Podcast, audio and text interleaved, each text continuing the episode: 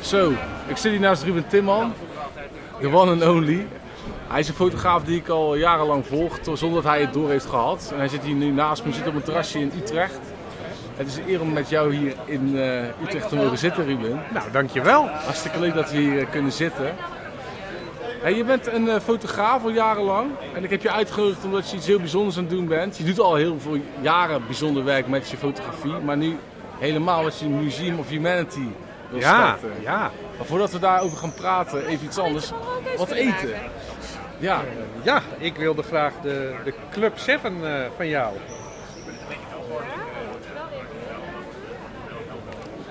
Wit of? Uh, doe maar wit. En doe mij maar de. Ja, doe maar gewoon een geitenkaasbroodje. Wit of dubbel donker? Uh, doe me dubbel donker. Donker. Donker. Ja. Geitenkaas. Ja. Zo. Dankjewel. Super. Yes. Dankjewel. Maar voordat we daar het over gaan hebben, Ruben. Jij bent niet altijd fotograaf geweest. Nee, nee Je was klopt. een verpleegkundige. Dat is lang geleden, ja. Maar ik ben Heel ooit begonnen als verpleegkundige. En hoe ben jij uiteindelijk die fotografie ingerold? Ik, eh, ik ging op een gegeven moment eh, ontwikkelingswerk doen. Ging in een eh, vluchtelingenkamp werken op de grens van Cambodja. Eh, een, een, eh, een kamp met 180.000 vluchtelingen. Misschien ken je de film The Killing Fields. Het gaat over de, de Rode Khmer die in Cambodja 1 à 2 miljoen mensen vermoordt. En ehm, dat bracht een gigantische vluchtelingenstroom op gang. En in dat kamp kwam ik een jaar te werken met mijn vrouw. Ik moest daar een polykliniek leiden en als broekie eigenlijk. Dus ik heb nog nooit zoveel gebeden, denk ik. Maar ehm, eh, toen ik terugkwam, toen dacht ik, dit moet de wereld weten. Wat ik daar gezien heb is zo... eh, ja, dat had op mij een diepe indruk gemaakt. En ik wilde graag mensen eh, wakker schudden, mensen in beweging krijgen. Ehm, Want hoe kwam je daar überhaupt terecht? Want je denkt niet zomaar van laat ik eens even lekker naar de Killing Fields Nee, nee, dat, dat, dat was een verlangen wat groeide. Ik had een boek gelezen, ik had die film gezien. Dus door, eigenlijk ook door beelden ehm, ontdekte ik dat ik daarheen wilde. ja, met mijn voor de mensen die het niet weten, wat is daar in het heel kort gebeurd? Gewoon een massaslachting. Ehm, ja, eigenlijk wel. En, en eh, wat ik al zei, 1 à 2 miljoen mensen zijn er vermoord in die tijd. Ehm, en ja, dat bracht eh, gigantisch veel vluchtelingen op de been. Maar ook mensen die een been hadden verloren door mijnen. Ehm, dus langs de grens ontstonden allemaal vluchtelingenkampen. Ja. En dat, dat was voortdurend in het nieuws. Dus Ja. ehm, dat raakte mij en ik wilde daarheen. En waarom wilde je daarheen? Waarom raakte het je? Ja, om, om iets te, eh, te doen eh, met mijn vak daaraan. Omdat het, eh, ja, het, het, het, het trof mij recht in mijn hart wat ik daar zag aan beelden. Ja. En ik wist op een gegeven moment, ik moet daarheen. En wat voor beeld triggerde je toen bijvoorbeeld? Nou, ik denk vooral eh, eh, de, de, de, de hopeloosheid die ik zag in mensen. Ehm, ik las een boek van eh, Eva den Hartog. Ehm, Zolang ik leef zal ik huilen, heette dat geloof ik. En, en na dat boek gelezen te hebben wist ik het zeker. Ik moet erheen, want ik kan iets doen. Dus het was eigenlijk eh, misschien wel een soort roeping. Ja, en wat, wat zijn, als je twee dingen moet noemen, dingen die je daar nooit meer van zal vergeten, wat je daar hebt gezien, voor concrete mensen of ervaringen? Nou, wat ik nooit meer zal vergeten is dat we op een dag werden beschoten door raketten. En we moesten plat op de grond liggen, want die eh, werden door de Vietnamezen op het kamp afgeschoten. En die ho- eh, explodeerden horizontaal. Ehm, en als je daar dan ligt, plat op de grond, in een greppel, dan gaat je hele leven aan je voorbij eigenlijk. Ja, want wat zie je dan? Eh, ja, dan een soort machteloosheid bij de mensen eh, die, die niks kunnen doen. Wij konden weer weg uit het kamp eind van de dag, maar zij moesten daar blijven. Dus dat geeft... eh, ja, en dat- als je dan je leven voorbij ziet gaan, wat zie je dan als je daar ligt? Wat denk je dan bijvoorbeeld? Wat voel je dan? Wat gaat er dan door je heen? Ja, misschien niet zozeer eh, je eigen leven, maar meer het, het leven van die mensen. En, en ik, ik wist dat ik weer eh, uiteindelijk thuis zou komen. Ehm, je, ja, je dierbaren gaan even door je heen. Van, eh, zal ik die nog zien? Ehm, en, maar dat gaat, dat gaat zo snel en, en is zo kort eigenlijk. Terwijl je ook weet dat deze mensen hier dag en nacht, jaar in jaar uit zaten. Maar wil je daar dan op zo'n moment niet heel graag heel hard wegrennen? Gewoon zo snel mogelijk terug naar Nederland? Nee, nee. Het, het, eh, eh, juist daar te zijn voelde echt goed. Omdat ik daar wist, ik moest daar zijn. En eh, dat Ook gevoel had ik absoluut niet. na dat moment van die beschietingen en dat bombardement, ook een uur of twee uur of een dag daarna dacht nog altijd van, ik wil hier toch blijven. Ja, eh, misschien juist aangemoedigd om te blijven. Om weg te gaan was eigenlijk de, de, de laatste optie en, en de moeilijkste optie. Ja. Dus ehm, En wat deed je dan concreet in zo'n kamp? Hoe moet ik me zo'n dag voorstellen als je daar een dag was? Wat deed je dan? eh, ik moest leiding geven aan 50 eh, medics. Dat waren eh, Cambodjanen die een soort spoedopleiding hadden gehad. Het, was echt een soort oorlogsstrategie. Je had ook boeken die heel snel tot een diagnose brachten.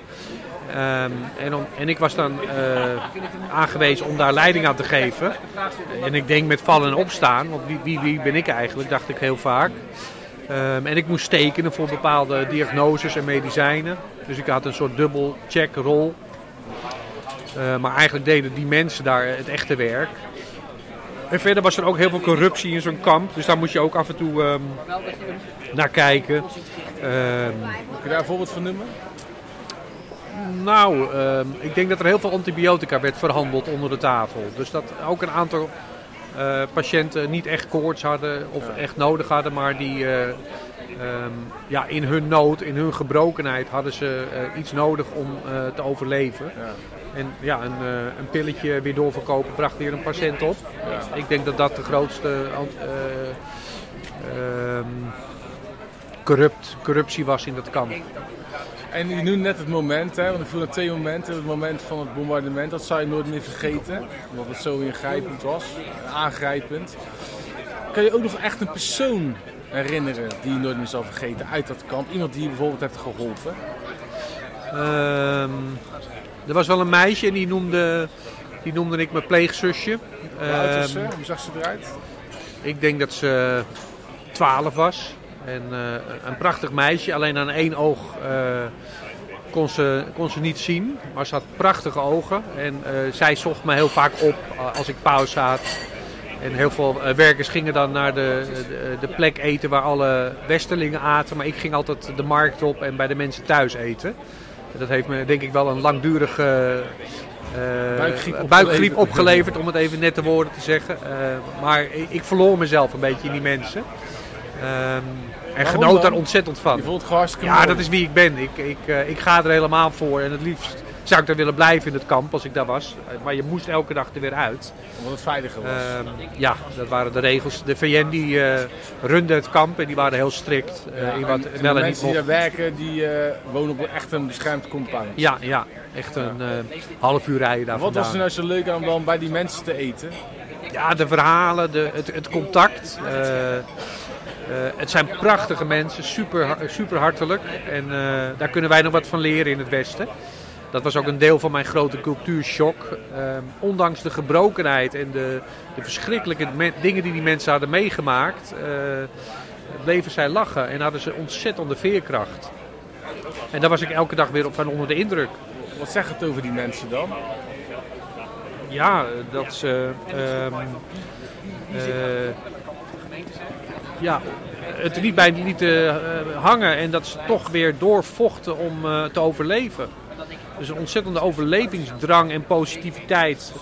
ehm, desondanks, laat ik het zo zeggen. En wat denk je, hoe konden die mensen dan bij de killing fields van Cambodja toch positief blijven? Hoe kan een mens Nou, dat? Waar, Dat weet ik niet. Een deel was ook wel buitenkant. Ze lieten niet altijd het achterste van hun tong zien. Ehm, maar dat ligt denk ik, dat zit in de mens ingebakken om, om ondanks tegenslagen, om toch weer door te gaan, denk ik. Dus ehm, heb je daar zelf ooit wel eens een moment gehad toen je daar was en dacht: ik geef het hier op wat hier gebeurt? Want ik kan me bijvoorbeeld voorstellen dat je zoveel ellende ziet daar, dat het niet echt goed is voor je, jouw beeld van de mensheid, bijvoorbeeld. Nou, ik, ik, ehm, ik gaf het wel eens op als ik de, de spanning in het team zelf, eh, eh, waar ik wel eens tegenaan liep. Dat ik dacht, eh, eh, ja, dat, daar kan ik niet meer mee omgaan. Eh, Er waren ruzietjes of zo. ja, irritaties. Als je als westerling in een, in een eh, compound woont, dan eh, gaan er van allerlei dingen mis. En allerlei culturen die gaan botsen. Dus daar liep ik wel vaak tegenaan. En, eh, eh, maar opgeven was nooit een optie voor me. Ik heb wel... eh, Maar net zei je nog, eh, soms gaf ik al op. Maar dat was meer even een klein momentje dan. Ja, in, in, in het team zelf. Maar eh, om er uiteindelijk aan toe te geven, dat, eh, dat deed je niet. Nee, want je, ik ging ervoor. Dus eh, Ja. ja. En, en wat voor verminkingen zag je dan bij mensen die je daar echt tegenkwam? Want jij staat, ik weet het van een vriend van mij die op de OK staat, dan zie je toch even iets anders dan wanneer je als Nederlander in de krant iets bekijkt. ja, je zag mensen zonder benen, geamputeerde benen, eh, brandwonden. ehm, soms gingen mensen elkaar te lijf met bijlen. eh, want er was natuurlijk in het kamp was er ook heel veel spanning. Eh, dus er hoefde maar iets te gebeuren of de boel ontplofte. Ehm, maar die, die geamputeerde benen was wel het, het, hetgene wat het meest zichtbaar was. Ja. Maar ik denk uiteindelijk ook heel veel gebrokenheid van binnen. Het, het feit dat je je halve gezin eh, vermoord wordt. ehm, in die tijd, als je een bril had, betekende dat je kon lezen en intelligent kon zijn. Dat was wel een reden om vermoord te worden. Dus dat, dat doet wat met ehm, eh, een samenleving. Dus ik denk dat de grootste gebrokenheid van binnen zat. Ja. Ik mag er niet zijn. Ik, ik, eh, ik hoorde niet te zijn. En als je dat dan proefde daar, wat deed dat dan met jouzelf? Als je dat merkt aan mensen. Ehm, ik liet dat niet altijd helemaal tot me doordringen. Dat was gewoon soms te heftig om, eh, om helemaal tot je door te laten dringen. Omdat? Eh, ja, de- de- zo'n eh, massaslachting, als je daarover nadenkt, dat, dat, ja, dat, dat komt natuurlijk heel hard binnen. Daar kon jij denk je niet tegen. ik was heel jong, dus ik, eh, ik luisterde vaak naar de verhalen, eh, maar meestal had ik ook geen antwoord eh, daarop. Dus, ehm, eh, en, en daar hoef je ook geen antwoord op te hebben, denk ik. Gewoon luisteren is al voldoende. Het grappige is, of eigenlijk het grappige, het mooie is dat die ervaring met de mensheid toen daar in Cambodja zou uiteindelijk later resulteren, of misschien straks resulteren in jouw museum waar je zo. Ja, dat zou zomaar kunnen, ja. Maar daar zijn we nog niet, want toen jij terugkwam, toen ben je de fotografie ingeweest. Ik ben toen de kunstacademie gaan, Ja. gaan doen. Ik dacht, als ik het doe, wil ik het goed doen. Ehm, want ik zag genoeg me, om me heen eh, amateurisme. Dus toen ehm, heb ik me aangemeld bij de academie in Den Haag. Waarom dacht je niet, ik blijf gewoon verpleegkundige? Want dat is zo mooi, dat is zo betekenisvol, zoals ik in Cambodja heb gedaan. Ehm, dat had gekund, maar eh, het was al heel snel duidelijk dat ik eh, niet, ook niet meer kon aarden in een Nederlands ziekenhuis. De hiërarchie die zo eh, anders was dan daar. Ehm, en ik liep echt tegen zoveel dingen aan. En ik denk dat de cultuurshock terug groter was, ook in het ziekenhuis, dan daar. Omschrijf die cultuurshock eens, wat was dat dan? Nou, je, ehm, in dat kamp dacht je veel meer horizontaal. Je had elkaar echt nodig en je, op basis van gelijkwaardigheid werkte je daar. Eh, maar in, eh, in het ziekenhuis waar ik weer na mijn eh, terugkomst eh, weer terecht kwam, was het echt eh, verticaal. Je had de, de professor, de hoofdzuster, de zuster, de leerling. En ehm, ik kon er eigenlijk niet meer tegen zo goed. Ehm, ook in achtneming dat ik voor mijn vertrek ehm, eh, werkte ik op een afdeling waar eh, abortussen werden gedaan. En ik wilde daar niet aan meewerken. En ik heb daar, eh, ben ik een jaar lang eh, ehm, ja, psychologisch weggepest, denk ik. Want Eh, jij bent ook gelovig en jij... ja, dat speelt een rol in mijn Ja. leven. Een grote rol. En voor mij was dat geen optie om daar mee te werken. En dat heb ik ook heel snel kenbaar gemaakt. En dat werd me zeer kwalijk genomen. Ja. En toen heb je gedacht, het is tijd voor iets nieuws. Ja, dat begon eh, steeds eh, meer aan mij te trekken om iets te doen met mijn passie. En, eh, het was ook een, een thuiskommoment toen ik eenmaal op de academie zat. Wat vond je er zo leuk aan? Ik was zeer onder de indruk van de gepassioneerdheid van de medestudenten, mijn klasgenoten. En ik ontdekte dat dat helemaal bij me past. Het, het, het, maken van foto's. en dat dat zelfs een stukje van mijn identiteit was. Ik, ik was een beelddenker, een beeldmaker. Eh, en die ontdekking is gewoon te gek om dat eh, te mogen ontdekken. Had je dat al vroeg door in je leven dat je dat helemaal te gek vond? Die beelden maken, het fotograferen? Nee, want ik, ik was eigenlijk nog niet zo lang bezig met fotografie. Ik, eh, Hoe oud is het toen je begon?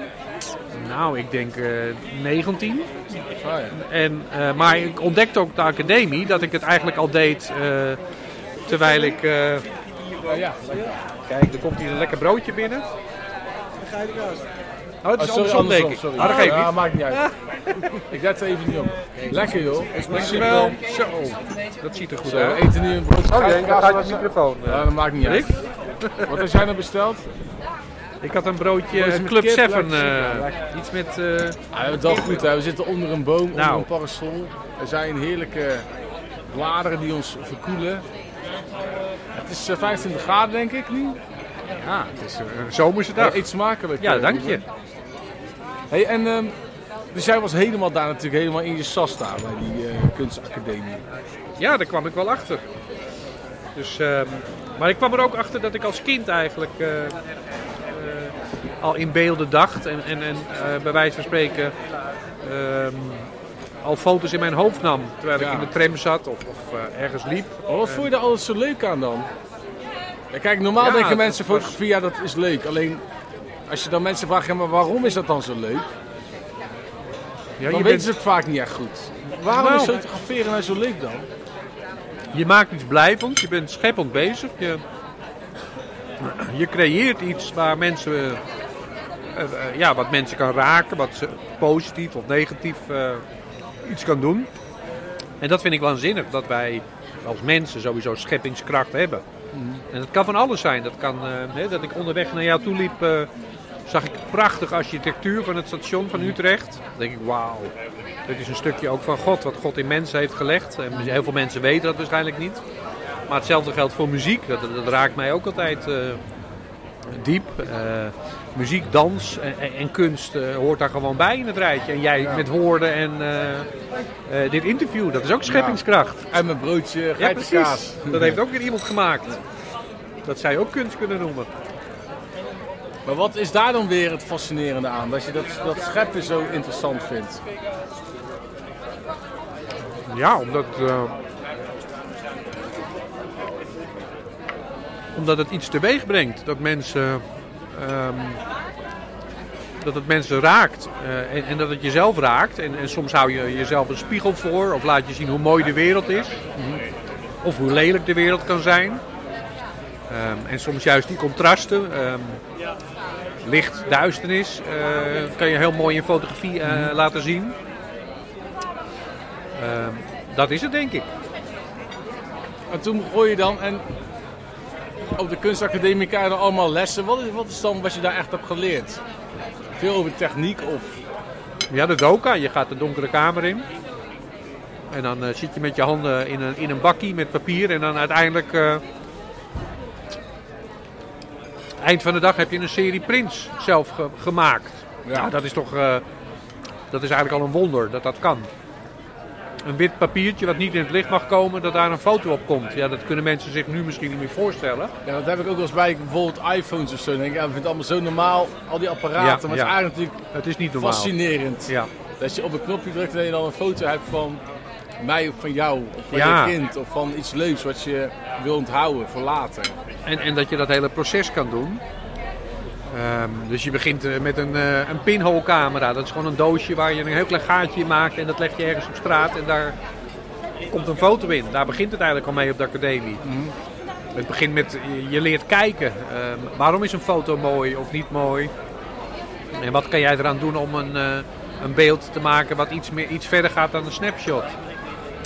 Eh, ja, dat is gewoon een waanzinnig mooi proces om dat met elkaar te doen.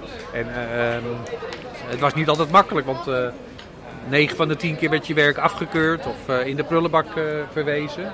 Maar dat proces is waanzinnig als je, als je dan terugkijkt. En wanneer is een foto nou geslaagd? Nou, als die een, eh, voor mij als die een emotie teweeg brengt bij de kijker. Als die blijft hangen, als die een, eh, een, een, een gevoel ehm, achterlaat. Dat kan. eh, ehm, Ja, dat kunnen allerlei gevoelens zijn. Maar als dat, als dat lukt, als je iemand weet te raken met een beeld, dan is het voor mij al mooi. Is dat dan ook je doel bij fotografie? Mensen raken? Nou, dat vergeet je heel vaak. Ik, ik kan eigenlijk niet anders dan ehm, in, op deze aardbol rondlopen en genieten van wat ik zie. Ehm, en dat in beeld brengen. Ehm, en misschien is dat mijn doel, het gewoon vastleggen wat ik zie.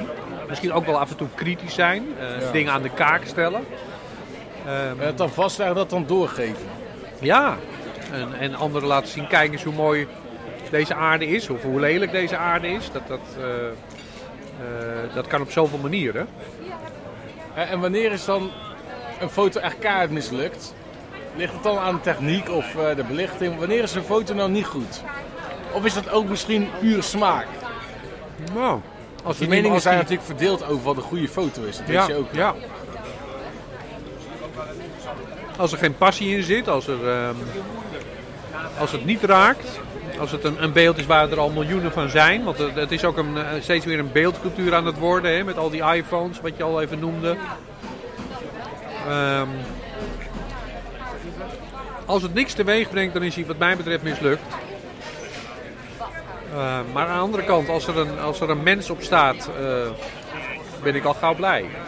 En als dat mens ook nog eens waardig en, en mooi de camera eh, is vastgelegd, dat, ehm, eh, dat helpt enorm.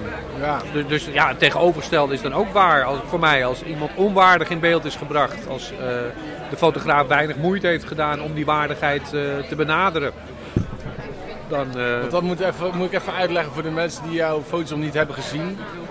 Eh, omdat ze naar de podcast luisteren of omdat ze het eh, artikel nog niet gelezen hebben wat hierbij hoort. ja. Jouw stijl is heel erg duidelijk. Jij fotografeert vooral mensen vanaf hun hoofd. Gewoon eigenlijk hun hoofd. Je portretteert mensen vooral. Dus jou denk je jouw bekendste stijl, toch? Recht van voren. Ja, ik- kijken echt recht de camera in. Ik, ik heb eigenlijk twee soorten beelden. Ik heb reportagebeelden waar, waar iets verhalends in zit. Ehm, en ik heb inderdaad echt portretten. Maar in beide gevallen ehm, fotografeer ik op de huid. Ik probeer de binnenkant van mensen te laten zien. Dus ik zal ook nooit zelden eh, eigenlijk stiekem fotograferen. Ik wil altijd instemming van degene die ik op de foto zet. Ehm, Waarom? om, omdat ik, ja, dat vind ik zo, wel zo integer. En eh, als ik dat niet doe, is de foto eigenlijk al mislukt. En dat is omdat wie, dat is wie ik ben. Ik wil, eh, ik wil contact maken met mensen. Ehm, en als je die binnenkant wil laten zien, zal dat moeten gebeuren. Zal je eerst eh, ja, vrienden moeten worden met iemand. En dat, dat kan soms heel kort. En dat is soms ook heel kort. Maar dat je iets uitwisselt. En dat je niet alleen iets neemt, maar ook iets teruggeeft. Maar denk je dat je echt een verschil ziet tussen foto's waarin je dus dat contact hebt gelegd vrienden bent geworden, ook al is het binnen een korte tijd, en foto's waarin je dat niet doet? Zie je denk je echt verschil? Absoluut. Ja. Of is dat meer wat in je hoofd zit als kunstenaar, Nee. je dat denkt, maar het is niet zo? Nee, iemand zal zich niet, eh, niet geven als er geen contact is. Dan, eh, dan proef je die afstand in dat beeld. En dat kan ook mooi zijn, maar dat is niet wie ik ben. Ik, ik wil echt die binnenkant En, en laten hoe zien. zie en je dat is, als buitenstaander? Stel je voor, je maakt voor mij een foto. Eentje zonder dat contact, eentje met dat contact. Hoe, hoe zou je dat gewoon als leek, of als mijn kleindochtertje Sarah, zou, hoe zou je dat dan kunnen zien? eh, nou, eh, ik denk haast al letterlijk, omdat, omdat jij mij aankijkt eh, waar we contact hebben. Ehm, en een lichaam verraadt dat. Lichaamstaal eh, vertelt waarschijnlijk nog meer dan eh, gesproken woorden. Dat zie je terug in, in lichaamstaal. Eh, en dat kunnen hele subtiele dingen zijn, maar ehm, eh, ik denk dat het gewoon duidelijk, heel duidelijk zichtbaar is.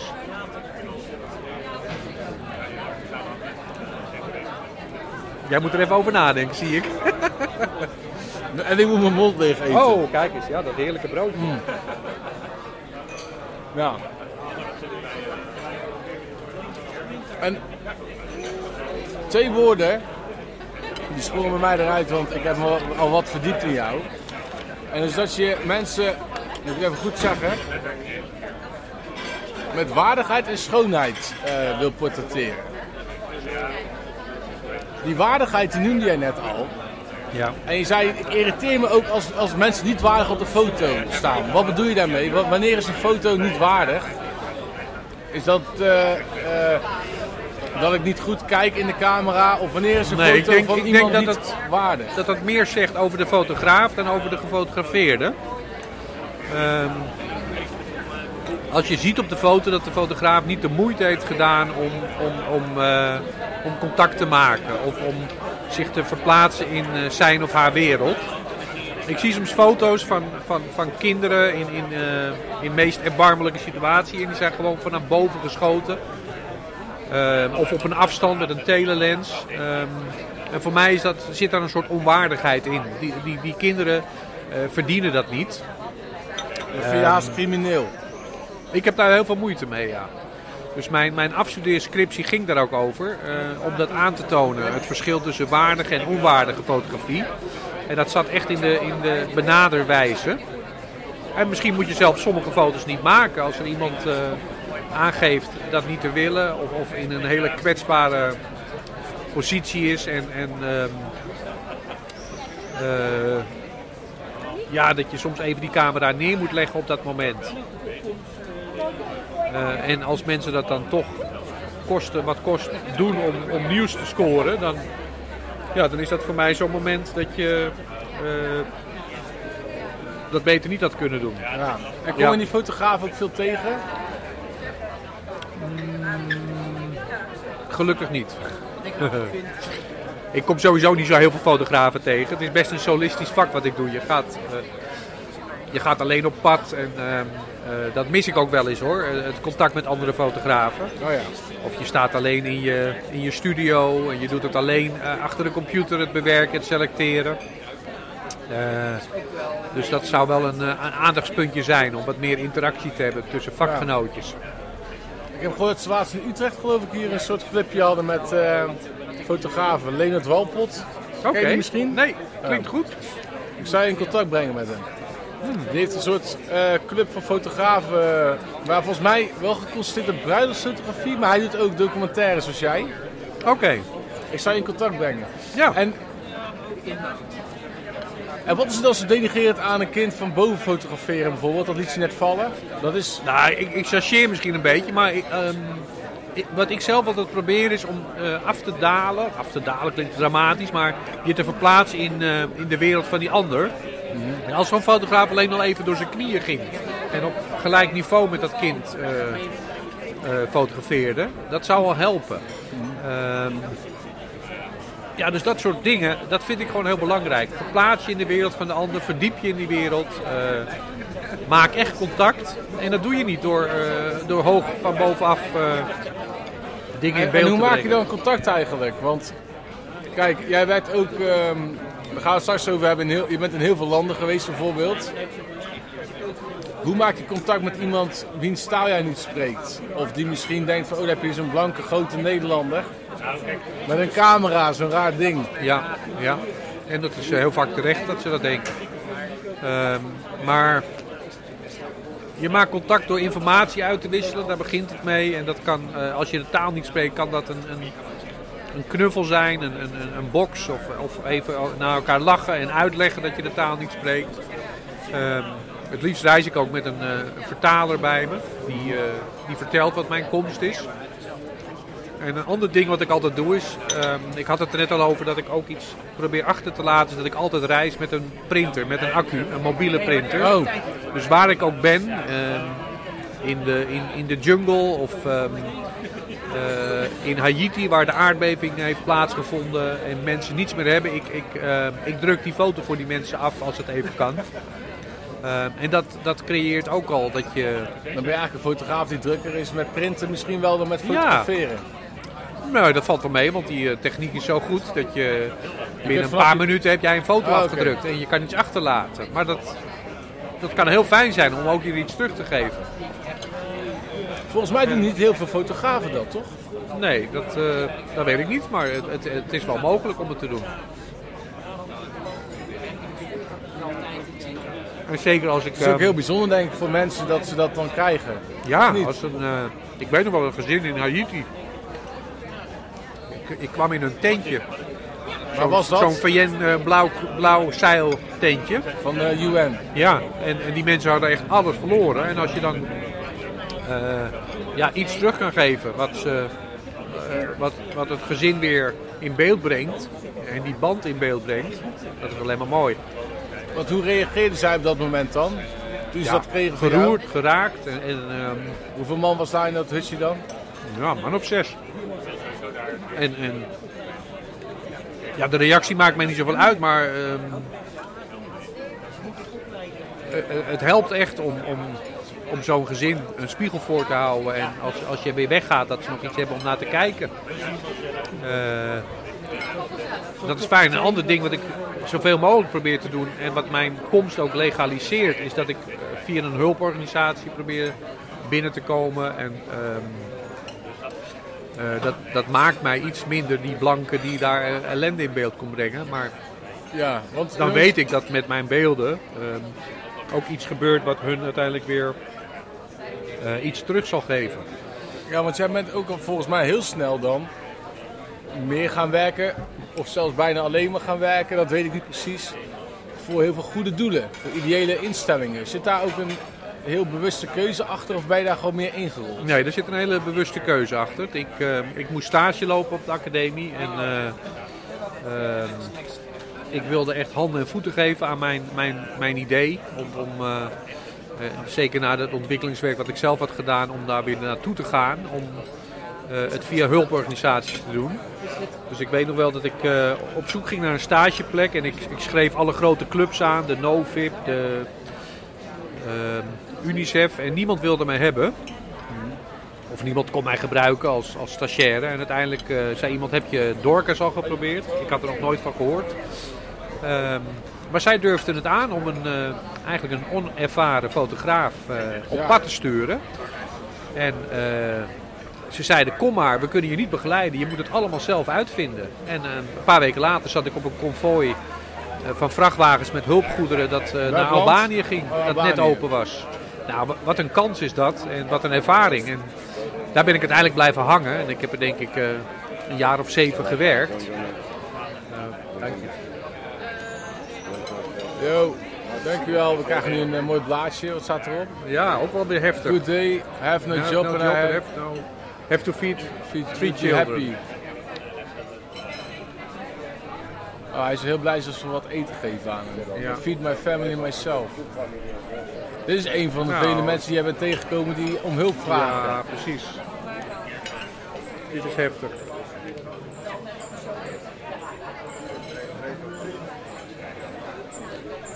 Nou, hier moet je eigenlijk wel iets mee doen.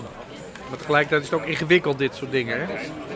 Ja, want we zitten nu op het terras en dan krijgen we van een meneer met een pet op en eh, een baard. Ja. En wat simpele kringen krijgen we. Hij vraagt nu om geld. ja, nou, ik ga maar wat geven. Dus eh, het scheelt dat ik iets heb. Ja, sowieso. Ja. Merci beaucoup, papa. Family on both. Dankjewel. Ja, neem die mee, die kan je weer gebruiken. Eh, papa. Hij is heel blij. Ja, Krijg een mooie man. Merci. Hey, en Nou, even los, deze man. eh, of, het, of, het, of het klopt of niet, het, eh, maar als ik die man aankijk, dan raakt het mij al. En, en het feit dat hij dit moet doen, is eigenlijk al erg genoeg. ja, ik zie dat je geëmotioneerd door wordt.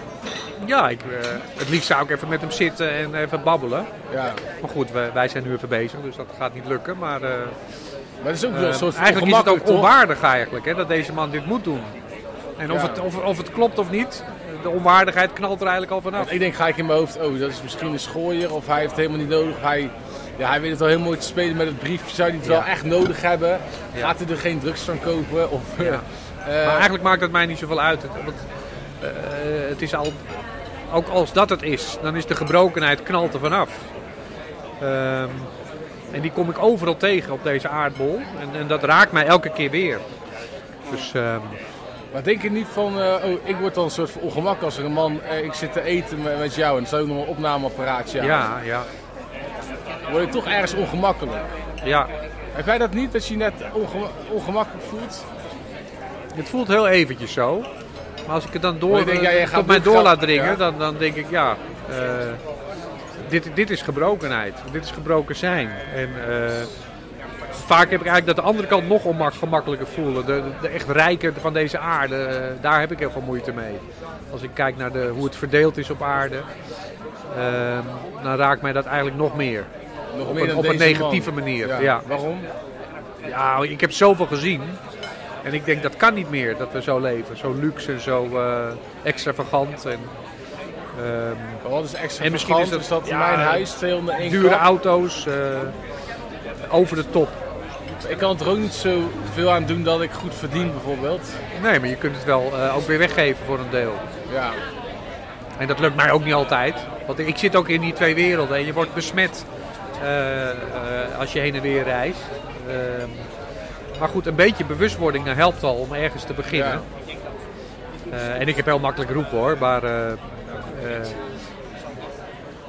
op een of andere manier voelt dat altijd heel... Maar als jij nou bijvoorbeeld net eh, dat geld geeft, dan denk ik, ja, hij geeft natuurlijk dat geld, want het, het apparaatje staat aan. Ja. ik kan moeilijk zeggen, als het apparaatje staat, ik geef geen geld. Dat dacht ik even. ja, dat zou kunnen ja. Dat is dan weer mijn gebrokenheid. Dat ik, dat ik eh, eh, Misschien het beter voor wil doen dan ik ben. Ja, En dat, dat, daar ben ik me ook wel weer bewust van. ja. Ze mag je me ook op aanspreken als, als dat gebeurt. Eh, en ik weet zeker dat God mij daarop aanspreekt. Van, Ruben, dat was niet echt in tegen wat jij deed op dat moment. Dus Ja. eh, dan maakt hij mij vast wakker op een nacht en dan zegt hij... eh, dus, en dat gebeurt regelmatig. ja. Dus perfectie is mij vreemd. Maar je hebt het dus wel eens als je wakker wordt s'nachts. En als je dan het gevoel hebt dat onze lieve Heer iets tegen je wil zeggen. Ja, dat zijn soms hele kleine dingen. Kun je ze met Eh, noemen van ja, ik had, je eh, meegemaakt? Ik had een keer... eh, we hadden een pleegdochter en die had een bakje met chocolaatjes gehad, hartjes. En die stond in de koelkast.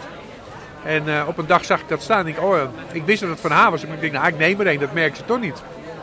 En de volgende dag zei ze, wie heeft er een chocolaatje voor mij gepikt? En ja, toen moest, had ik eigenlijk moeten opbiechten dat ik dat was. Maar toen zei de ander, nee, Ruben eh, heeft het niet genomen, die is allergisch voor melk. Dus die mag dat niet. Ik, oh, dat eh kon me eigenlijk wel aanwaaien. En eh, ik dacht, nou, dat is het. Maar een half jaar later was ik op vakantie. En op een nacht bracht God me dat in herinnering. Die zei, Ruben, weet je nog, dat ene chocolaatje? Dus ik ging, ik ging onderhandelen met God. Ik zeg, ah, dat is zoiets kleins. En dat is al lang weer vergeten. En ik probeerde weer te slapen, maar ik kon niet meer slapen. Hij hield me echt wakker. En de volgende dag heb ik het maar opgebiecht aan haar. Zij moest ontzettend lachen. Ehm, maar toen was ik er weer vanaf. Ehm, en dat is denk ik God. Die, eh, die maakt het niet uit of je iets heel groots of iets kleins doet. Iets wat scheef is eh, en wat krom is, eh, daar houdt hij aan. Dus Ja. En net werden wij dan gevraagd of wij wat geld wilden geven aan die meneer. Maar dat heb je natuurlijk ook waarschijnlijk wel in al die plekken waar jij bent geweest gehad. ja, ja. Toch? Dat je ergens komt met je camera en dat uiteindelijk willen mensen jou helpen met misschien alles behalve die ene foto die je uitprint. Want misschien hebben ze wel veel behoefte niet aan zo'n mooie foto Ja. die ze dan van jou krijgen. Wat ook natuurlijk bijzonder is, maar aan gewoon concrete dingen die ja voor een lege maag die gevuld moet worden. Ehm, Vertel er eens over. Nou, dan helpt het opnieuw dat ik, mag, dat ik weet dat een hulporganisatie mij gestuurd heeft. En dat die in ieder geval iets doen. Eh, maar ik kan, de hele, ik kan de wereldproblematiek niet op mijn rug nemen. Maar soms voel ik dat wel, die druk. En, en eh, zie ik al die gezichten, al die vragende gezichten van die mensen langskomen.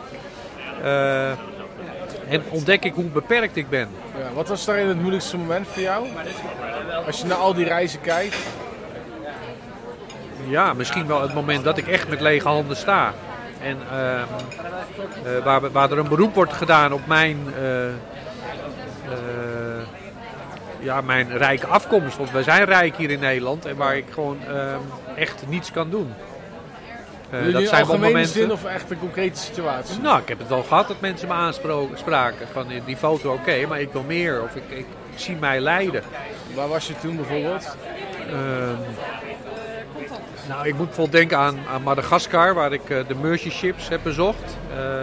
En waar je dan oog in oog staat met zoveel leed. Een, wachtkamer vol mensen eh, die de meest verschrikkelijke tumoren en ziektes hebben. Zo eh, ontzettend in beeld. Ehm, waarbij je weet dat, dat de operatie zal helpen. Eh, maar dat uiteindelijk de gebrokenheid nog zo groot is. eh, Ja, dat is een voorbeeld. Of, of, of, een, of onder de brug in Calais, de jungle van Calais, waar destijds al die vluchtelingen zaten. En waar je, waar je komt en waar, je- waar je weet, je bent straks weer weg en je slaapt weer in je, in je bedje. En zij slapen buiten in, of in, in, in gammele tentjes. Ja. Dat zijn wel momenten ehm, dat je eigenlijk zonder woorden staat en met lege handen. Maar denk je dan niet van, jullie hadden gewoon beter thuis kunnen blijven? Nee, nee. Als je, Nee, het feit dat iemand zo'n trip alleen al on- onderneemt, dat, dat zegt iets over de wanhoop. En misschien zelfs als het een economische vluchteling is. Als je dit aangaat, mensen noemen het gelukzoekers, maar ja, maar allereerst... zijn, maar zijn toch gelukzoekers? Ja, hallo, we, we zijn toch allemaal op zoek naar geluk? Ja. Ehm, dus dat, dat- dat- in die zin klopt het, maar ehm, eh, daarmee is het niet afgedaan, denk ik. Om het zo eh, te noemen en het daar weer te laten. Die mensen hebben echt een verschrikkelijke reis achter de rug. Ja. Arnold Karskens is een keer met zijn bootje meegegaan hè, van Turkije naar, eh, sorry van, moet ik goed zeggen. Ik weet niet hoe... Libië waarschijnlijk? Arnold Karskens, Ja. die is toen met zijn bootje meegegaan, die journalist. Ja. En het bleek gewoon van dat hele bootje maar echt, eh, ik noem wat, eh 20% uit Syrië te komen of zo. ja. En de rest kwam allemaal gewoon uit Noord-Afrika of eh, Oost-Afrika. Waren gewoon gelukszoekers om het zo maar te noemen. Ja, maar de reis die ze hebben ondergaan door de woestijn. waarschijnlijk in contact gekomen met mensenhandelaren die hun uitbuiten. Die beelden zijn er en waar je ook vandaan komt, ze komen daarin terecht. Ja. Dus ik vind het echt te goedkoop om, dat, ehm, om het daarmee af te doen. Dus je bent dan niet eh, kritisch als je eh, in de jungle van Calais bent. En dan denk je niet van, ja jongens, Nee, dat is niet aan mij om, Nee. om daar een oordeel... eh, ik ben sowieso heel ruimhartig. Ja. Nee, dat zal ik echt nooit denken. Ja, je kunt natuurlijk ook kritisch worden lijkt me. Als je ook jarenlang op al die plekken komt in de wereld, dat je anders gaat denken over massamigratie of over gelukszoekers of over ehm, klimaatverandering of dat soort dingen. Dat dus jouw werk dus ook veel meer impact heeft Nou, ik, ik, ben wel, ik ben wel kritisch, maar ik, ik, ik, ehm, ehm, en dat doe ik ook in mijn beelden, laat, maar juist de andere kant kritisch op. Dat, dat wij eh, on- ons meer achter ons hoofd moeten krabben. En eh, veel ruimhartiger mogen denken. Dus de kritiek gaat misschien de andere kant op als ik hier aan denk. Dus jij bent wel een linkse rakker. Nou, ik hou me, ik, ik, ik hou me niet zo bezig met politiek. Ehm, en ik heb ook niet over de antwoorden op. Maar ik denk wel, eh, ehm, volg je hart en, en eh, wat mijn hart me ingeeft, dat ik daar wel eh, eh, handen en voeten aan wil geven. En anderen eigenlijk oproep. En, en ja, En wanneer ben je dan bijvoorbeeld kritisch naar bijvoorbeeld hulporganisaties? Want ik eh, ben ook op wat, wat plekken geweest, veel minder dan jij. Maar dan zie ik toch ook van ja, wij Westerlingen moeten kennelijk de rotzooi opruimen in, waar ben ik laatst geweest, de Filipijnen bijvoorbeeld. Of in de Oekraïne, terwijl die regeringen die moeten dat misschien doen en niet eh, de lieve Nederlandse donateurs hier in Nederland. Want Ja, maar dat los je daar dus- niet ik heb mee op, heel hè? veel empathie dus voor al die mensen in sloppenwijken die ik dan tegenkom. En, maar dan denk ik ook, dan ben, ben ik dus ook met zo'n NGO mee, zoals jij ook met die NGO's bent meegereisd. Denk ik, ja, sowieso is het maar een, een, een, eh, druppel op de groeiende plaat. En bovendien, het echte probleem is bijvoorbeeld de corruptie in het land. ja. Dus ik kan wel nog heel veel ge- geld sturen en nog meer eten. Maar ik, dus ik word zo, kortom, ik word daar soms dus wel cynisch van. Heb jij dat nooit? Nou, je, je mag daar wel eh, heel veel vragen bij stellen. Want er is ook ongelooflijk veel misgegaan in, eh, in, in, in ontwikkelingswerk. Dat we daar bakken met geld heen brachten. En, en, eh, maar- ook arrogantie. Dat wij in het Westen dachten, wij doen het wel even. Ehm, en het is ook heel ingewikkeld, denk ik. Eh, wa- wa- wanneer doe je goed en wanneer doe je geen goed. Ehm, maar daar wil ik... ehm, ja, ik heb daar onvoldoende... eh, verstand van heb, maar doe in ieder geval iets. En, eh, maar doe het niet daarmee af van ja, het ligt daaraan, dus ik laat het erbij. Het ligt aan de corruptie van het land. Dat zal ongetwijfeld zo zijn. En, eh, maar dat kan zo verlammend werken en waardoor maar je gewoon niet in beweging goed- komt. Ja, maar het is ook misschien heel goed om realistisch te zijn en te zeggen: het is niet mijn verantwoordelijkheid om, om de, ik noem maar wat, de sloppenwijken van Cebu waar ik ben geweest in de Filipijnen, om die ehm, te ontwikkelen tot iets wat leefbaar is en normaal en eh, veilig voor die mensen. Nee, dat is de verantwoordelijkheid van die regering daar. Van, wie zit daar nu als president Duarte, geloof ik. Die moet dat regelen. En, ja, het is allemaal mooi dat ik hier mag zijn en mag zien wat er allemaal gebeurt. Wat wij als Nederlanders met eh, het Nederlands geld eh, voor elkaar weten te boksen. Maar ja, het echte probleem, de echte oplossing ligt bij hier lokaal, de lokale mensen. Dat heb jij dus nooit zo gevoeld. Nee, ik, ehm, ik vind het ook iets te makkelijk om te zeggen het is die verantwoordelijkheid, dus trek ik mijn handen ervan af. Ehm, Nee, ik zeg maar- mijn handen vast. Ik zeg alleen maar dat ik wel dan soms daar erg naar neig. Omdat ik gewoon, ja, misschien ook heel cynisch ervan word of heel depri of zo. Nee. Nou, dat wil ik geloven. Dat, dat, dat heb ik ook wel eens. Dat, het, dat er zoveel leed is. Dat het gewoon verlammend werkt. En dat, je de- dat, dat het niet te behappen is. Ehm, maar tegelijk denk ik, als iets op jouw pad komt. Dan sta je elke keer voor die keuze. Doe ik hier iets mee? En al is het iets heel kleins. Want, want jij noemt nu echt grote wereldproblemen. En daar gaat het ook over verantwoording. En, en wie doet wat. Ehm, maar als jij eh, in die wijk loopt eh, en je maakt een babbeltje met iemand, je gaat op je knieën bij dat kind en, en eh, speelt met dat kind, dat is al mooi als je dat doet. Ehm, en dan laten we dat andere maar even los, dat grote probleem over verantwoording en over geldstromen. Ehm, en zo probeer ik een beetje naar de wereld te kijken. En elke ontmoeting is niet zomaar. Dus misschien moeten we het gewoon, moet, moet je gewoon klein beginnen. En, en, Maar eh, jij moet toch ook eh, wel dat het die ene is. Ja, maar jij moet toch ook wel letterlijke of spreekwoordelijke drek hebben gezien in de NGO-wereld. Het schandaal gehad natuurlijk bij Oxfam Novib en Ja, met, met misbruik. En, eh, geldverspilling. ja. Ja, dat, dat raakt mij. Wat heb je daarvan gezien, zelf concreet? Nou, dat ik, dat ik zelf in ontwikkelingswerk eh, bezig was, zag je dat ook wel. Dat mensen ehm, niet altijd eh,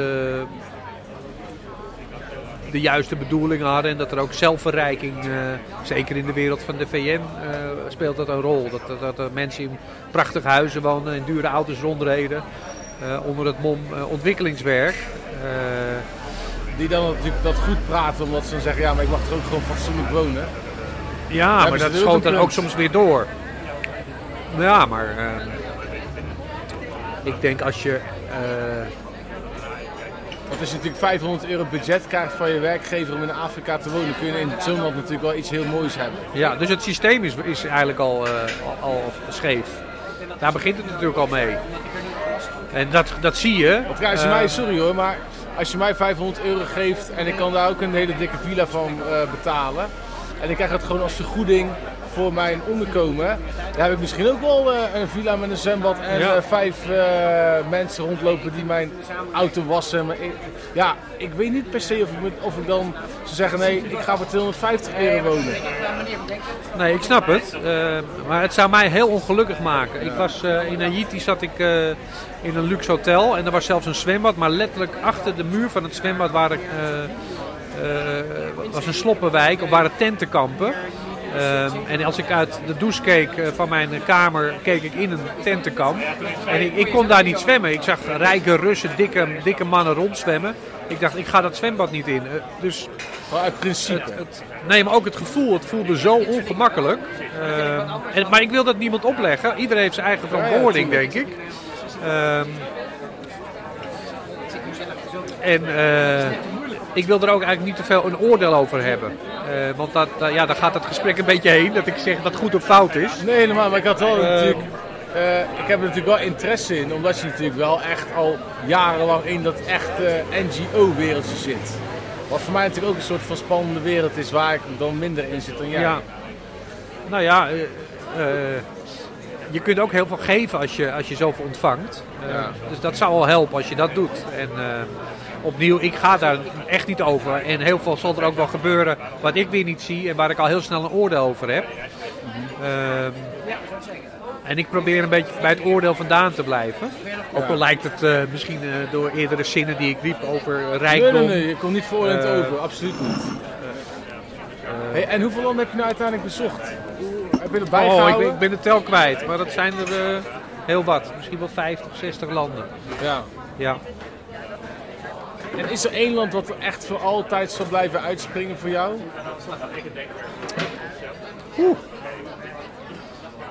ja, elk land heeft zijn eigen, eigen schoonheid. Ehm,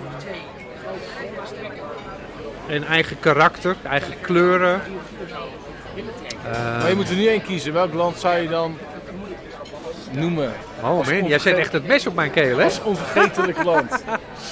Eh, ja, Rwanda heeft wel een diepe indruk op mij gemaakt. Wanneer was je Eh, daar?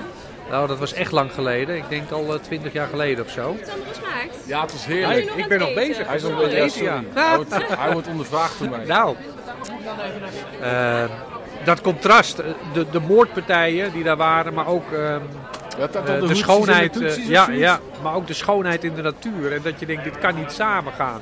Zo'n mooi land qua natuur. En maar zo'n- gebrokenheid. Zo'n ja. ellende. Ja. En heb je daar Ehm, concrete mensen ontmoet die je... Ja, eh, zeker. Het is echt al heel lang geleden, dus ik weet geen, eh, geen namen meer. Maar elke keer ben ik dan verwonderd dat, dat, dat de mensen zo mooi kunnen zijn daar. Maar dat er zo'n heftig verhaal achter ligt. Kun je daar een voorbeeld van Dus, noemen? ehm, ja, dan moet ik misschien iets recenter gaan denken. Eh, Irak, eh, waar ik in vluchtelingenkampen heb rondgelopen. En ehm, eh, een van die plekken, dat was niet een kamp, maar een huis waar allemaal vluchtelingen woonden. Ehm, en op een schooltje ontmoet ik een meisje, Melek. En zij, eh, zij komt in het project terug. Eh, en wat mij raakt aan het meisje is dat zij op de vlucht is gegaan voor IS. Ehm, uit Karakosh. Een plek die door IS is veroverd. En ehm, ik ontmoet haar dan op een schooltje. En ik weet van, ik moet haar in beeld brengen. En terwijl ik haar fotografeer, ontdek ik dat zij mij niet aan kan kijken. Omdat zij lijdt aan albinisme. En eh, nou, ja, dan besef ik me dat naast die gebrokenheid die ik net noem, dat er nog een diepere laag is. En dat zij het licht niet kan verdragen. Ehm, Dus zij kon jij niet aankijken omdat het... Dat omdat zou... ik, omdat ik, omdat ik ehm, vanaf mijn kant kwam het licht en dat viel op haar. Oh. En dat was te heftig.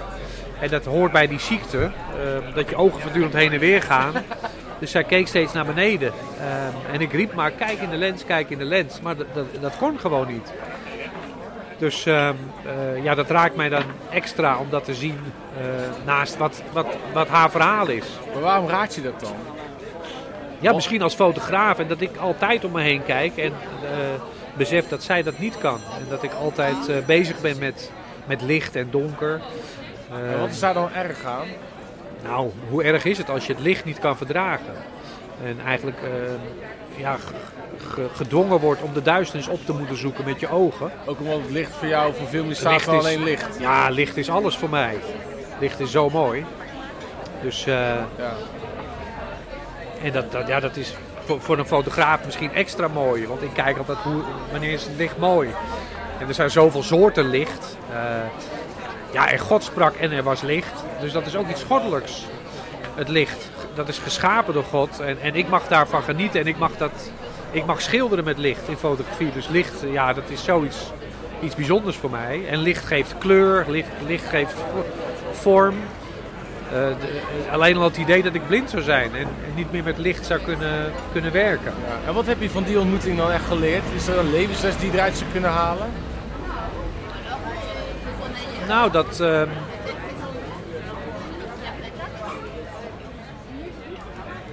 dat het uiteindelijk ook weer over mijzelf gaat. En ehm, Waarom? eh, dat, dat wij allemaal licht nodig hebben. En dat, ehm, dat de duisternis, zoals het haar leven binnendrong, ook ons binnen kan dringen.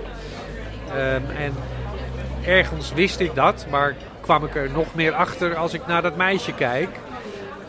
Dat ik ook last heb van gebrokenheid. En ehm, dat de duisternis ook mijn leven is binnengedrongen Ja. ergens. Ja. En dat brengt mij bij een nieuwe droom eigenlijk. Zo kan ik het wel zeggen. Ja, Die museum. ja. Want dit verhaal wat je net vertelt, dat is denk ik een van de redenen waarom je graag dat museum wil starten. Ja, ik wil, ik wil nog, een, nog meer impact met mijn beelden. Ehm, en ik wil eh, met die duizenden portretten, inmiddels 3500 denk ik, ehm, wil ik iets teweeg gaan brengen. En eh, ja, ik, ik heb, eh, dit project is ooit begonnen uit een droom, waarin ik een rondleiding krijg, letterlijk een droom in het Museum der Mensheid. En Kofi Annan leidt mij rond. Dat was toen de grote leider van deze wereld. ehm, van de VN. En het museum is vervallen, het is het donker, het glas is gebroken, alles is kapot eh, en niemand lijkt zich druk te maken. Dus toen, eh, toen ik wakker werd, dacht ik, dit is een bijzondere droom. En voor mij zat daar wel een soort boodschap in en ik heb die droom opgeschreven. En eh, drie jaar later ben ik begonnen met het project Humanity. Nou ja, dat kwam af en toe al langs in dit gesprek. Eh, maar dat komt erop neer dat ik op reis ga naar duistere plekken en daar op zoek ga naar waardigheid en schoonheid. Die duistere plekken, dat kan een vluchtelingenkamp zijn in Irak of eh, onder de brug in Calais, de jungle van Calais. Of dat, dat ziekenhuisschip in Madagaskar waar ik het net over had. Maar ook eh, hier in Utrecht of in Zaandam waar ik woon. Want de duisternis raakt ons allemaal. Ja. Ehm, en eh, ongeveer een aantal jaar geleden dacht ik, dat project kan nu wel uit de kokon komen. Toen ben ik een boek gaan schrijven, Kroon op de Schepping. Met als doel om die beelden die ik heb gemaakt van, van die duizenden mensen te delen aan de wereld. En eh, daar in het boek staat een hoofdstukje en het heet opbergen of uitdelen. Eh, ik, kan, ik kan al die foto's opbergen in een doosje doen, daar kan ik mee leven. Want dan heb ik duizenden keren verteld, jij bent mooi, jij bent waardig. Jij bent het waard om waardig in beeld gebracht te worden. ja, dat is eigenlijk jouw Dat al- boodschap aan de mensen die je Ja. fotografeert. Ja, en dat zou al voldoende zijn. Maar de andere optie... Waarom is dat dan voldoende? Nou, want dan heb ik die mens bemoedigd en heb ik ze een spiegel voorgehouden. Daar kan ik mee leven. Maar goed, het zou mooi zijn als er meer in zit. Als ik het kan delen met nog meer mensen. Ja. Dus dat zou zijn dat ik het uitdeel aan de wereld. En ik heb er allerlei wat is daar ideeën. jouw boodschap mee? Ja, kijk eens naar elkaar. Kijk naar die vluchteling. Kijk naar jezelf en ontdek hoe mooi jij bent. Waarom Terwijl ik op dit belang- restaurant kijk, zit, eh, op dit terrasje zit, dan zie ik alleen maar mooie mensen langskomen. Waarom is dat zo belangrijk dat we dat doen? Want volgens mij kijken we ook heel veel naar onszelf. Maar dan een beetje negatief. Ja, en dat is al verdrietig. Want eh, het zou wel helpen als we ontdekken dat we zelf ook mooi zijn. Ondanks de dingen die we meemaken. Laten we het even opbreken in twee dingen. Waarom is het belangrijk dat we, dat is het eerste, leren kijken naar elkaar? Dat iemand als ik eens een keer goed voor een foto van jou gaat staan en daar eens even wat langer over nadenkt en wat langer naar kijkt dan die 1, 2 seconden die je normaal eh, geeft aan iemand wanneer je een blik op die persoon werpt. Om dan ehm, te ontdekken ehm, dat, ehm, ja, dat wij, dat wij eh, onderdeel zijn van een heel groot verhaal. Dat wij zijn geschapen eh, door God, in Gods beeld. Dus allereerst zal je een stukje van God zien in al die gezichten en in jezelf. Dat, is al, een, je- dat is al een ontdekking. Ook als je niet in God gelooft. Ja, dan, dan mag je het anders noemen. Dan noem je het eh, eh, natuur of, Ja. Mhm. of, of gewoon schoonheid. En dat, dat is al een mooi begin. Ehm, maar ook ontdekken dat, dat, dat, dat jij en dat ik, daar waar we zo vaak naar de negatieve dingen kijken, dat we ook echt mooi, eh, dat we ook echt mooi zijn van oorsprong. En, maar dat het gewoon verdrietig is dat er eh, generatie op generatie eh, dat er dingen stuk gemaakt worden in ons. En waardoor we dat, dat zijn verloren, dat zicht op die schoonheid en die waardigheid. En als ik ergens iets kan helpen, al is het maar voor één persoon om dat te laten zien, dan ben ik al blij. En, en ik, ik merk ook dat het gebeurt als ik mensen heb zitten in mijn studiotent, want ik reis vaak rond met een tent, een zwarte tent. En die zit op dat krukje, dan raar, eh, ja, sommige mensen eh, beginnen te huilen spontaan. Of, of, of, of raakt het hun iets als, ze als ze achter die camera zitten. Waarom? Omdat ik... eh, Kun je er trouwens een voorbeeld van noemen van iemand die dan begon te huilen? Wat die persoon zijn verhaal dan was?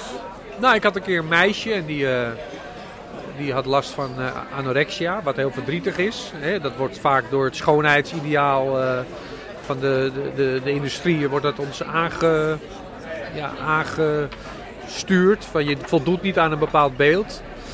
Ehm, en zij zei, ik ben lelijk. Ik zeg, maar je bent prachtig. En dat meende ik ook. Het was een prachtig meisje. En uiteindelijk mocht ik haar op de foto zetten. En ze bleef zichzelf eerst lelijk vinden. Nee, eerst ze zegt, ik ben het echt niet waard. Ik ben niet mooi om gefotografeerd te worden. En jaren later ehm, had ik eh, haar foto, eh, ik, ik doe het vaak op festivals, had ik haar foto heel groot afgedrukt. En zij kwam haarzelf tegen op dat festival. Toen zegt ze, wat ben ik dat? En ehm, toen zei ze, wil je me nog een keer portretteren? Want ik, eh, ik heb nu ontdekt hoe mooi ik ben. Dus eh, ja, dat is voor mij gewoon bijzonder om te zien dat, dat, dat het soms een klein beetje kan helpen om iemand te laten zien dat je ook echt mooi bent. Ja. Dus, ehm, dus ik, ja, dat zie ik ook in jou als ik lang ga kijken. Dus eh Ja, nee, moet dat maar niet te lang doen. Want, Maar ik krijg er wel kippenvel van, man. Ja, je kan, als, als het goed is, kan je het zien. ja, ik zie het een beetje, ja. ja. Waarom denk je Terwijl dan, het heel warm is. maar waarom denk je dan dat ik kippenvel krijg? Ja, misschien ben jij ook wel een gebroken mens die, die eh, hiermee wordt eh, geconfronteerd tijdens dit gesprek. Jouw imperfectie, jouw, jouw verleden, misschien in jouw kind zijn. eh, zijn er al dingen gebeurd? Hoor je boodschappen Ja, dus eh, eh, die misschien eventjes naar boven komen? En als, als jij die het hebt, dan heb ik het zeker. Want dat is het bijzondere, dat ik eh, in iedereen schoonheid en waardigheid zie. Maar zelf was ik het ergens verloren in mijn leven. Waarom?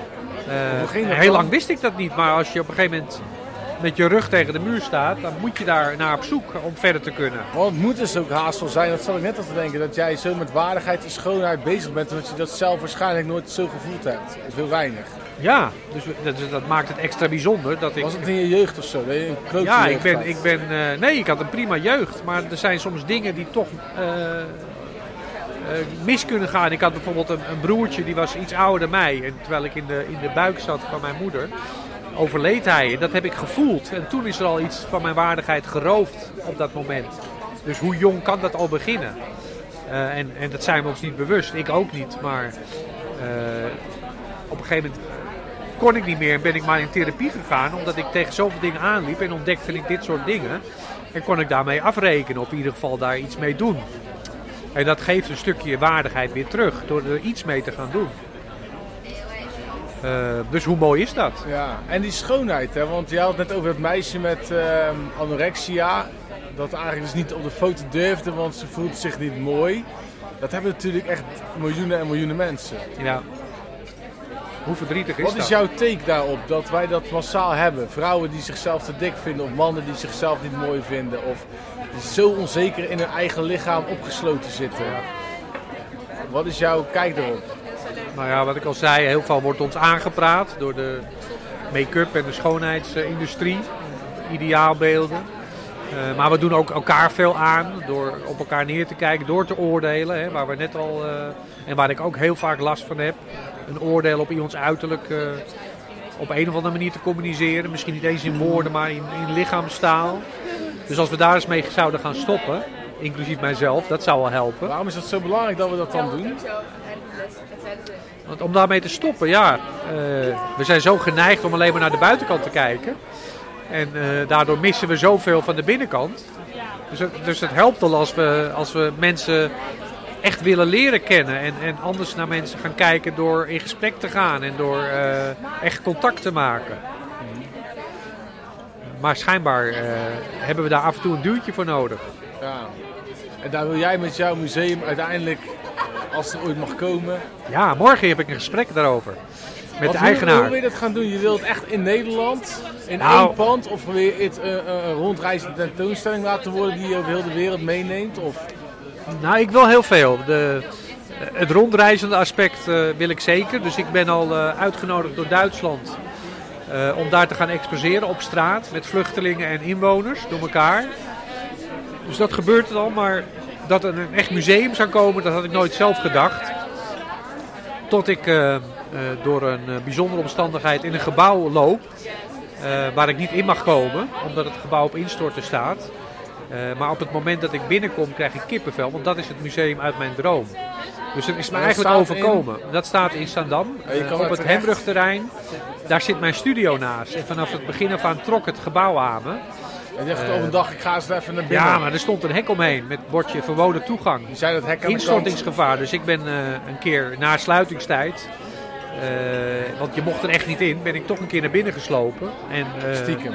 Ja, door een gat in het hek. En, Je keek wel goed om je heen waarschijnlijk. ik keek heel goed om me heen, want er reed regelmatig beveiliging rond. En, Spannend. het was echt niet toegestaan. Maar op het moment dat ik binnenkwam, eh, was dat het museum uit mijn droom. Alles klopte. Het loketje waar je het kaartje koopt, de manier van lopen, de nissen, de, de duisternis, het gebroken glas, alles was er. Dus nu ben ik bezig om daar het Museum der Mensheid op te richten. En morgen heb ik het gesprek met de eigenaar om te vragen of ik het mag lenen, het gebouw. En het bijzondere is, het is ook een duister gebouw, want het was het hoofdkantoor van de munitiefabriek. De plek waar bommen en granaten, eh, dood doodswapens. Hoe ingewikkeld dat ook is. Het was natuurlijk ook een deel zelfverdediging. Ja. Maar dat is daar geproduceerd. En, en als daar het museum zou kunnen komen, dan moet het natuurlijk wel even zorgen dat het niet op instorten staat. Nou, dat is het leuk. Het is, eh, nadat ik erin geweest ben, eh, is het opgeknapt voor 2,6 miljoen. Eh, het is wind en water dichtgemaakt door het Rijk, door de provincie en de gemeente. Dus de weg is eigenlijk al voorbereid. We kunnen er nu gewoon veilig in. Wauw. Dus, Nou, als eh, die eh, eigenaar dat ook ziet zitten, Ja. om dat nou te gaan huren voor, eh, wat is het, eh 20.000 Nou, ik, wil, ik, wil het, ik wil het lenen van hem. eigenlijk wil ik het voor niks. Ja, Eh, maar goed, daar is een wonder voor nodig. Maar er gebeuren wonderen. En dan mag ik het lenen voor vijf jaar. En uiteindelijk zullen er misschien woningen in komen. Of wordt het een hotel? Het zal vast wel een bestemming hebben. Maar als ik zolang eh, daar het Museum de Mensheid mag vestigen, hoe mooi zou dat zijn? ja. En, en ik wil daar niet alleen mijn foto's hebben, hebben hangen. eh, maar dat mag van mij veel verder gaan. Er mogen debatten plaatsvinden, concerten, filmavonden. Is er eh, eigenlijk überhaupt alles wat de mensheid dient. Is er überhaupt wel een echt museum der mensheid? Nou, er, voor zijn wel plekken. De- in, in Engeland heb je de National Portrait Gallery. Ja. Dat zou er een beetje op lijken. Een, een, een museum waar portretten hangen. Ehm, en eh, er zijn wel musea die zo heten. Maar in Nederland hebben we dat nog niet. Eh, en met deze insteek denk ik ook niet. Ja. En je kunt nu ook op Voor de Kunst kun je geven aan jouw project voor je fotoboek, hè? Ja, dat boek wat ik ben gaan schrijven, dat is er nog steeds niet. Op lage 4 is er, meer niet. Maar ik wil er nu 500 laten drukken. En daar ben ik voor aan het crowdfunden. Ah. Ja, En hoeveel pagina's? Want het is echt een, eh, een boek voor op tafel, hè? Waarin jouw foto's op ja kan het is een, zien. een koffietafelboek, een waardig groot boek. Met prachtige portretten. Ik noem het meesterwerken. Dat zegt niks over mij, maar dat zegt ook iets over degene die op de foto staat. Eh, het verhaal staat erin, het proces, de making of. En eh, ja, het is iets prachtigs om in huis te hebben. Ja, maar ik wil er sowieso eentje hebben. Wel leuk. Sowieso. Nou, En Waarom niet uit hoeveel het misschien kost. ben jij wel het laatste duwtje. Ja, waarom niet? Dat Ja. lijkt me fantastisch. Ja, want... Ja, dat zou te gek zijn, joh. Hey, en we moeten ga- gaan afronden. Ik heb nog een paar vragen. Ehm, is er nou één groot leidmotief wat jij hebt overgehouden aan jouw leven als fotograaf? Van dit is nou de les die ik nou heb geleerd door alles wat ik heb gezien en mogen vastleggen.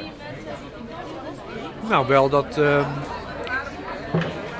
dat het belangrijk is om je bestemming te vinden. Je, je, je iets te doen met jouw talent. En, en dat dromen, hoe groot ook, ehm, eh, als jij eh, in ieder geval een poging doet. Want ik praat natuurlijk ook heel makkelijk.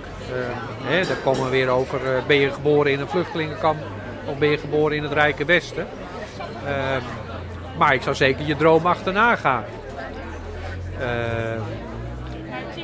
En het lijkt een heel succesvol verhaal, maar ik heb ook dieptepunten gehad dat ik dacht, ik leg het bijltje erbij neer. Maar, maar toch, eh, blijf vasthoudend aan wat, je, wat er op je pad komt. En eh, daar waar mogelijk, eh, ga erachteraan. Ja, en hoe vind je die droom dan? Of hoe vind je dat pad dan?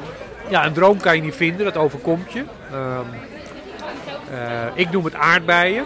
Soms vind je aardbeien in je leven en die hoef je alleen maar te volgen.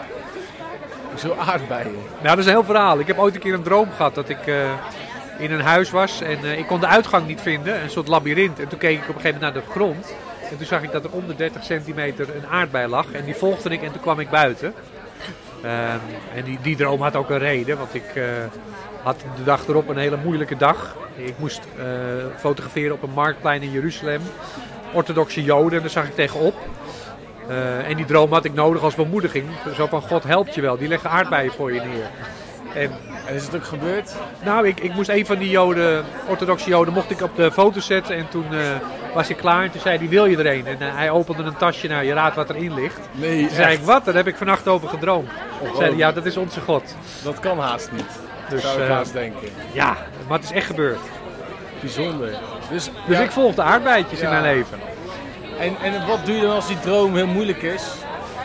Of dat je Nou, denkt, ga- dan worstel ik en eh, het is eh, misschien, want we hebben het niet heel mooi over dat boek. Nou, dat boek zal er echt komen. ja. Maar het museum, het kan ook gebeuren dat het je dus niet, dat het niet toch, toch niet de droom is die uitkomt. Dat het Ja, meer een droom ja. is die niet uitkomt. Ja. Dus nog steeds een droom, maar hij komt niet uit. Wat dan? Ja, dan moet ik op heel zoek. veel mensen Dan- mee natuurlijk. Nou, da- daar heb ik ook last van. Dan ben ik soms helemaal van slag. En dan pas later ontdek ik dat het via een omweg of op een andere manier toch eh, werkelijkheid wordt. Eh, en dat is niet makkelijk, want ik ben ook iemand die van de ene uiterste naar het andere uiterste kan gaan. Ja, van van de, de berg naar het dal. gezeten, toch? Ja, ja daar ben ik eigenlijk pas net uit. En dat, dat, eh, ja, dan ontdek je dat dat heel dichtbij komt. Ja. Ja. Want die depressie werd ook door je werk getriggerd of meer andere omstandigheden? Door allerlei manieren. Door de dingen uit mijn verleden, door zakelijk gezien in zwaar weer te komen, mijn studio te moeten verkopen en opzeggen. Ehm, lichamelijke klachten. Eh, ja, dus Maar- eigenlijk sta je dan met je rug tegen de muur en, en ontdek je dat je niet alleen verder kunt. Ja, en nog even heel kort voordat ik me twee laatste vragen stel. Want zakelijk zou je denken, is voor jou een appeltje eitje. Want jij kunt bij iedere NGO aanbellen en zeggen: mag ik voor een mooi bedrag eh, jou foto's maken? Maar dat is dus ook niet zo makkelijk Nee, als dat ik is absoluut niet waar. Al- sowieso gaat al mijn geld in dit project. Pas sinds, eh, sinds kort heb ik een stichting, waardoor we misschien een geldstroom op gang kunnen stellen, zetten. Eh, maar als freelance fotograaf is het, is het gewoon niet altijd makkelijk. Je, je bent kwetsbaar, mensen kunnen zomaar stoppen en iemand anders kiezen. Of, eh, je bent niet de enige die eh, fotograaf Ja, is. maar jij bent al een, een naam in, eh, in, in ieder geval het goede doelenwereldje, toch? Ja, dat weet ik niet. Eh, Ja, wel, het is zo. ja, maar schijnbaar is het, eh, staat het altijd nog onder druk, Ben je de niet prijzen. zakelijk genoeg of zo? Ik ben ook niet super zakelijk. Ik eh, zou eigenlijk een eh, agent moeten hebben Ja. die dat voor me Je regelt. bent ook veel te lief misschien. Misschien ben ik wel te lief en eh, durf ik te weinig te vragen. Eh, maar ik, eh, ja, ik kan alleen maar zeggen dat, dat, dat, dat het niet makkelijk is. En dat je soms heen en weer wordt geslingerd. Je weet nooit hoeveel er binnenkomt. Dus ehm, En het is ook lastig, denk ik, omdat. eh, dat is een van mijn laatste vragen. Natuurlijk ook gewoon iedereen tegenwoordig heeft een iPhone. ja, Nederland is klein. Er- er Iedereen zijn heel veel foto's. fotografen. Ja, Ja, maar ook gewoon. eh, vroeger moest je als fotograaf echt vakkennis hebben en precies weten hoe en wat. ja, En nu is het op zijn minst gemakkelijker om een mooi beeld te maken. Right? Want Absoluut, Ik heb ja. mijn iPhone portretmodus. ja, precies. Dan En ga je al. Ja. Hoppa, en dan heb ik ook gelijk, nou, het is echt nog lang niet zo mooi als die van jou, jouw foto's, maar dan heb je al wel heel snel een heel mooi beeld. Wat vind je daarvan? Nou ja, allereerst er komt veel meer bij kijken dan alleen maar dat apparaatje. Hè? Want de, de, de, het apparaat maakt die foto niet, maar jij maakt hem. Jij bepaalt ehm, de beeldhoek en ehm, in hoeverre je contact hebt met je, eh, met je geportretteerde. Ja. Ehm, en eh, ehm, wat wou ik zeggen?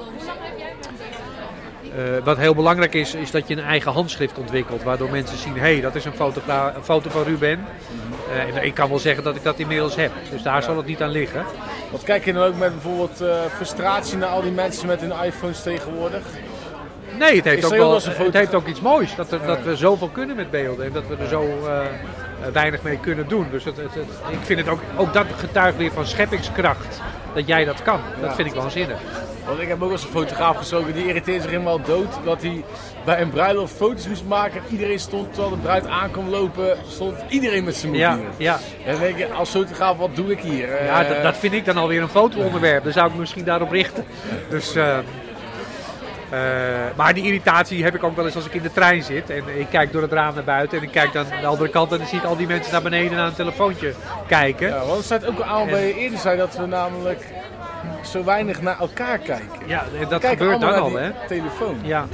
En ik heb er ook wel eens last van. Dat ik eh, iets te veel naar Facebook zit te kijken. Terwijl ik denk, ja, de, de wereld om ons heen is echt prachtig. En dat, dat mis ik op dat moment. Ja, want ik Ja, ervaar dat het is echt nooit. eh, ziekelijk aan het worden, hoor. Ja, want je ervaart het nooit zo mooi in het echt als op Facebook. Nee, precies. Ja. Dus, eh, Hey, en mijn laatste vraag, daar ben ik ook echt razend naar benieuwd. Ik heb je gevraagd om als het ware je leidmotief, wat is nou de les? Nou, je zegt, ja, volg gewoon je dromen, volg je pad. Ehm, er zullen aardbeien op je weg liggen. En ook soms is het moeilijk, maar dan komen er toch altijd wegen voor jouzelf als persoon dat het op een andere manier je droom invulling zal krijgen. Dat is prachtig. Mijn laatste vraag is, hoe heeft jouw werk jou als mens veranderd? Hoe was jij voordat jij dit werk ging doen? En de Ruben werd die beelden ging maken en hoe, hoe ben je nu? Hoe ben je veranderd? Nou, ik denk dat ik steeds rechterop mag lopen als mens. Als kind eh, liep ik altijd met mijn hoofd naar beneden. Oké. Zocht ik schatten eh, in de grond. Ik was altijd op zoek naar dingen die ik vond. eh, en dat hielp als ik naar veel naar beneden keek. Ehm, maar nu vind ik schatten eh, als ik rechtop eh, sta en om me heen kijk. Dus mijn hoofd is meer omhoog gegaan. En dat heeft ook met mijn eigen waardigheid te maken. Ik loop waardiger in het leven. Ehm, ik kan steeds meer accepteren dat ik ook mooi ben en dat ik mooie dingen kan maken. Dus in die zin heeft het mij, eh, mij veranderd dat ik veel meer eh, rechtop ben gaan staan. En, steeds meer geworden ben wie ik bedoeld ben om te zijn. Een, eh, een, schepper, iemand die ja, misschien wel beelden gebruikt om, om te strijden voor de goede zaak in deze wereld. Dus een, iemand die- in een speciale eenheid zit en met kunst en met kleur mooie dingen mag verspreiden. Nou, dat is prachtig. Ik zit te denken, Ruben, wat mijn wens is dat niet alleen jij rechtop gaat lopen, maar ook iedereen die dit luistert. En Dat zou heel mooi. En zijn, dat ik ja. straks als ik naar huis ga ook rechtop loop. Rechter zou heel mooi zijn. Toen wij hierheen kwamen. Omdat het toch wel heel mooi is dat jij... Nou, dat zeg ik niet om je nou even weer in je reet te stoppen, maar dat ik inderdaad voor ja, die liefde, die schoonheid en die waardigheid, die heb je gewoon als mens. En daar doe jij mij aan denken, of daar doe jij mij aan herinneren eigenlijk. Oh, dat is mooi. Hartelijk dank. Heel graag gedaan. En dit, dat, als jij al die ene bent die dat voelt, dan ben ik al blij Mooi door man. dit gesprek. Gezellig. En je hebt je broodje toch Zo. op kunnen eten. Nou, precies op tijd, hè? Wow.